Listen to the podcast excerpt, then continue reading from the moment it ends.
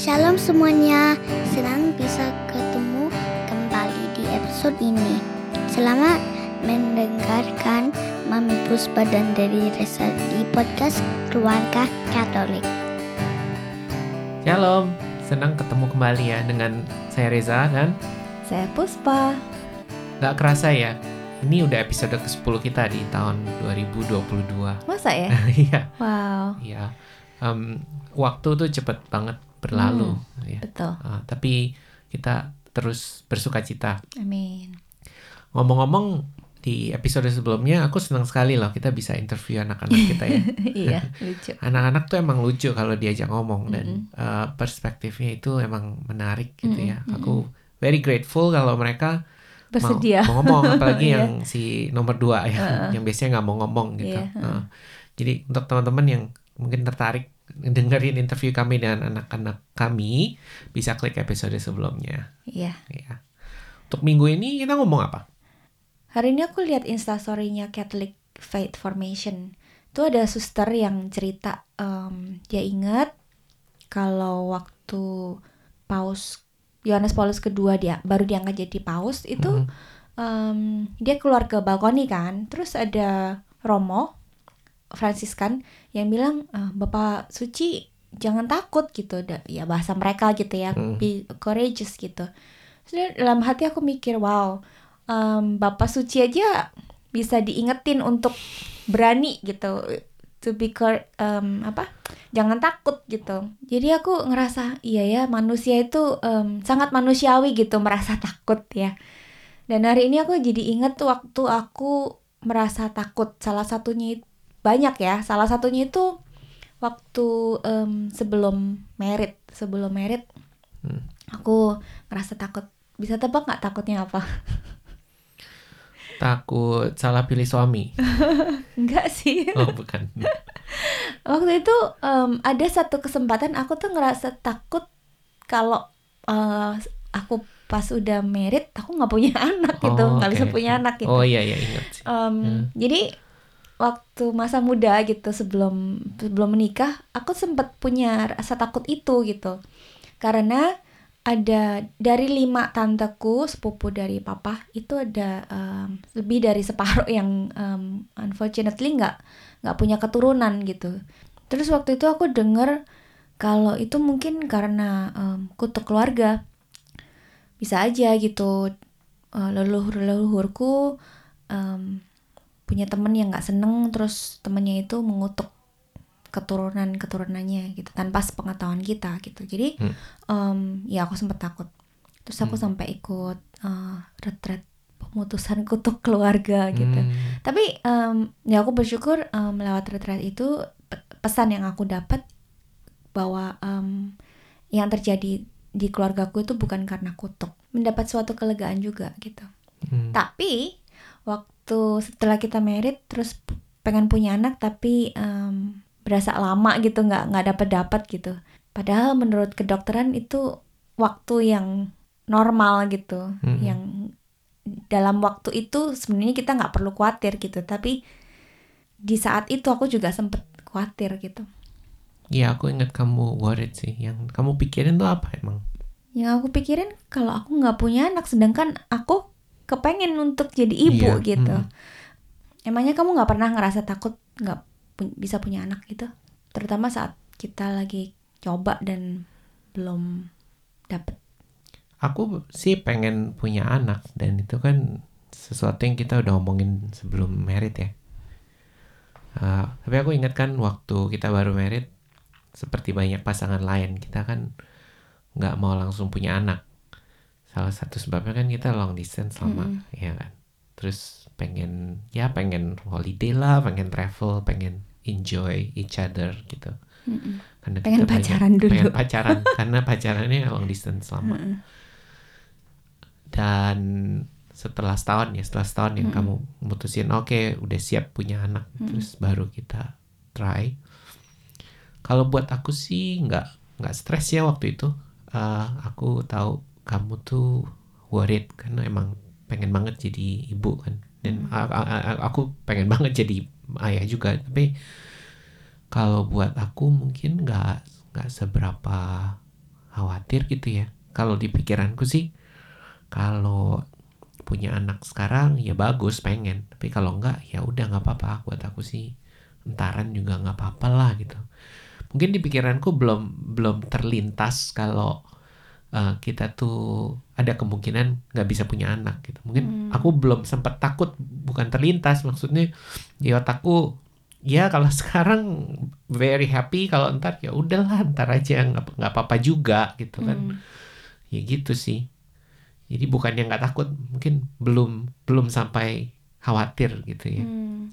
tapi kan syukur setelah setelah setahun ya kamu kamu Hmm, hamil hmm. gitu dan aku ingat betapa betapa happynya gitu Hmm. buat buat kita gitu Mm. Tadi kan kita mau ngomongin tentang rasa takut gitu. iya Ah, jadi aku aku merenung gitu bahwa manusia kan setiap hari kita pasti pernah dan mungkin merasa takut mungkin levelnya aja kadarnya tuh beda-beda gitu ya. iya Ada yang worry banget gitu, ada Hmm. yang oh ya takut tapi terus ya udah gitu bisa bisa mengatasi gitu. Em, kalau misalnya kayak takut pas kita mau uh, interview kerjaan gitu, kita takut gitu. Kayaknya itu sesuatu yang bisa kita em, apa ya banyak banyak solusi yang kita bisa lakukan gitu. Tapi kalau kita takutnya itu akan masa depan gitu, seperti yang pengalaman pengalamanku tadi gitu, takut nggak punya anak gimana kalau benar-benar nggak bisa punya anak gitu ya. Em, itu I think lebih susah gitu untuk untuk bisa em, melewati gitu aja dalam sehari gitu. Iya.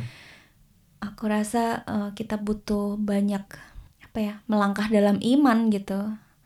Aku aku ingat banyak berdoa banyak minta didoain gitu ya banyak banyak baca firman dan ya syukur gitu setiap kali baca firman Tuhan selalu kasih gitu kasih penghiburan kasih jawaban gitu ya kasih kasih ketenangan gitu kalau dari peristiwa ini yang aku belajar itu em, takut nggak punya anak itu sesuatu yang berat Mm-mm. tapi juga umum kita kan sering dengar dan teman-teman kita juga worry khawatir gitu ya. Mm-mm. Uh, terutama kalau ada masalah fertilitas atau Mm-mm. kesuburan gitu. Mm-mm. Aku rasa ini sesuatu yang berat karena buat banyak orang itu kan seperti identitas ya. Hmm. Kayak tadi aku tanya apa yang di pikiranmu buat kamu kan itu uh, karena aku mau jadi ibu. Itu kan identitas kita sebagai ibu. Dan dalam culture kita di Indonesia kan emang uh, it's good ya. Dan sebagai orang Katolik kan it's good to have children gitu. Dan itu dan otomatis kalau kita apa ada kemungkinan nggak punya anak itu bisa menyeramkan sekali. Mm-mm. Aku jadi inget kisahnya itu. Zakaria dan Elizabeth Hmm. orang tuanya Yohanes Santo Yohanes Mm. Pembaptis. Mm. mereka kan orang yang kudus yang taat. Zakaria itu pemuka pelayan agama, Tuhan. ya. iya. Dan mereka berdoa em, sampai tua gitu ya. Tapi nggak punya punya anak bahkan sudah eh, udah mandul ya kalau nggak salah. Udah merasa mandul gitu mereka. Nggak tahu lewat, mandul udah, udah, lewat, masa usia. iya. ya udah udah lewat masa subur. Udah lewat masa subur jadi semakin em, semakin impossible apa biological clocknya udah lewat gitu. Mm-mm. untuk most people dan mereka kan ya manusia normal ya. Mm-mm. Eh, itu kan sesuatu yang aku nggak bisa bayangin gitu seberapa berat buat mereka. Mm-mm. Em, some culture I think itu merasa malu gitu ya iya bahwa em, nggak nggak bisa memberi keturunan gitu iya Oh, mungkin bisa juga dari pressure keluarga gitu-gitu juga iya diomongin orang kan itu Iya. semua Mm-mm. em, jadi jadi masalah sosial bukan bukan bukan masalah sendiri meskipun Mm-mm. mungkin kita nggak kita nggak khawatir ya karena orang lain ngomongin pu- pu- Nanyain. pressure nanyain itu kan makin makin rib, makin ribet gitu Iya, itu suatu suatu yang rumit Mm-mm. Um, tapi satu hal yang aku suka dari kisah itu uh, yaitu um, gimana meskipun nampaknya mustahil tetap apa Tuhan memberikan mujizat lewat Mm-mm. Mm-mm. uh, malaikat Gabriel ya pemberitaan dan akhirnya meskipun itu suatu yang mustahil Mm-mm. kan mereka bisa punya anak juga iya Mm-mm. dan ini bukan kisah yang jarang kita dengar ya kita juga sering dengar dari teman-teman yang sudah berdoa novena dan sudah memohon, mencoba dan akhirnya mereka dikaruniai anak gitu ya. Jadi em, aku rasa eh, kalau boleh kita sharing dari ayat ini dan pengalaman kita itu em, eh, berharaplah pada Tuhan itu. Dan karena mujizat Tuhan itu Masih eh, ada. masih ada gitu ya. Eh, Tapi juga buat teman-teman yang em, situasi hidupnya nggak seperti Elizabeth dan Zakaria gitu ya, udah pelayanan, udah berdoa, udah berharap, tapi ya Tuhan nggak nggak kasih gitu ya. Em, satu hal yang aku ingat ada satu sharing salah satu pelayan Tuhan juga bahwa em, untuk kita kan kita tuh orang Katolik em, berkeluarga untuk bisa em, be fruitful gitu kan Tuhan Tuhan waktu menciptakan manusia kan dia bilang be fruitful gitu be em, multi multiply gitu kan Em, tapi ada satu sharing yang yang menyentuh aku gitu bahwa kita be fruitful itu nggak cuman sebatas Tuhan membatasi dalam masalah biologis gitu tapi juga em, berbuahlah di dalam pelayananmu gitu. Bagaimana imanmu juga bisa berkembang gitu. Em, mungkin mungkin nggak bisa jadi orang tua biologis bisa jadi orang tua baptis gitu untuk banyak anak-anak yang em, apa ya kita bisa men-sharingkan iman kita untuk pertumbuhan iman mereka gitu.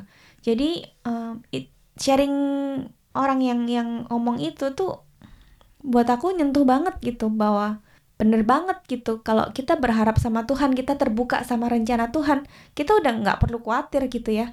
Em, kalau rencana kita itu nggak terlaksana gitu. Kan yang penting kalau kita fokus sama rencana Tuhan yang penting kan em, kita percaya Tuhan kasih yang baik gitu. Nggak bukan bukan rencana kecelakaan kan gitu.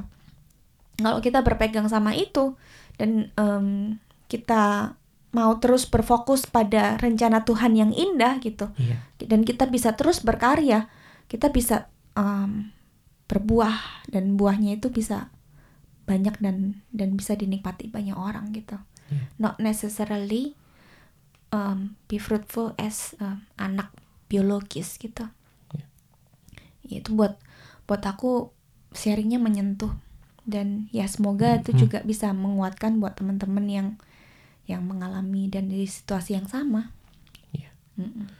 Ya kita berdoa ya, terutama buat kita semua ya. karena hal-hal yang bikin kita takut dan hal-hal yang bikin kita eh, nggak happy dan apa dan khawatir itu banyak sekali ya nggak nggak ada habisnya.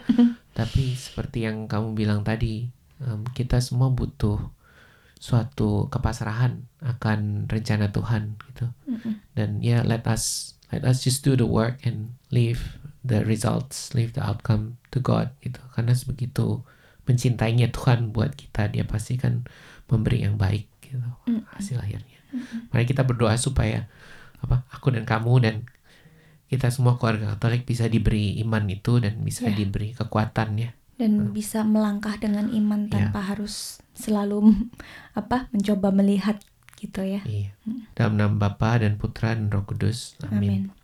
Bapa di surga, terima kasih buat kasih-Mu yang selalu ada dalam hidup kami.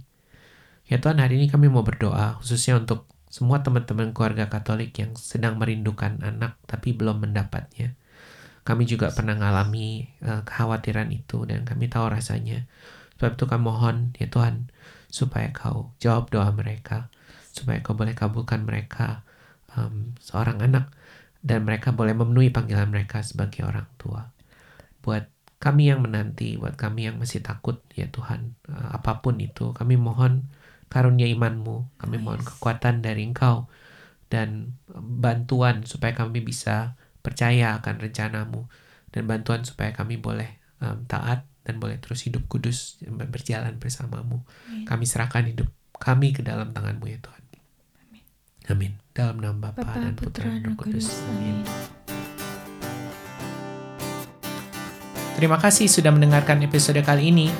Pastikan untuk subscribe podcast Aku, Kau, dan Dia, dan kunjungi website kami di keluargakatolik.online untuk info dan tulisan yang terbaru.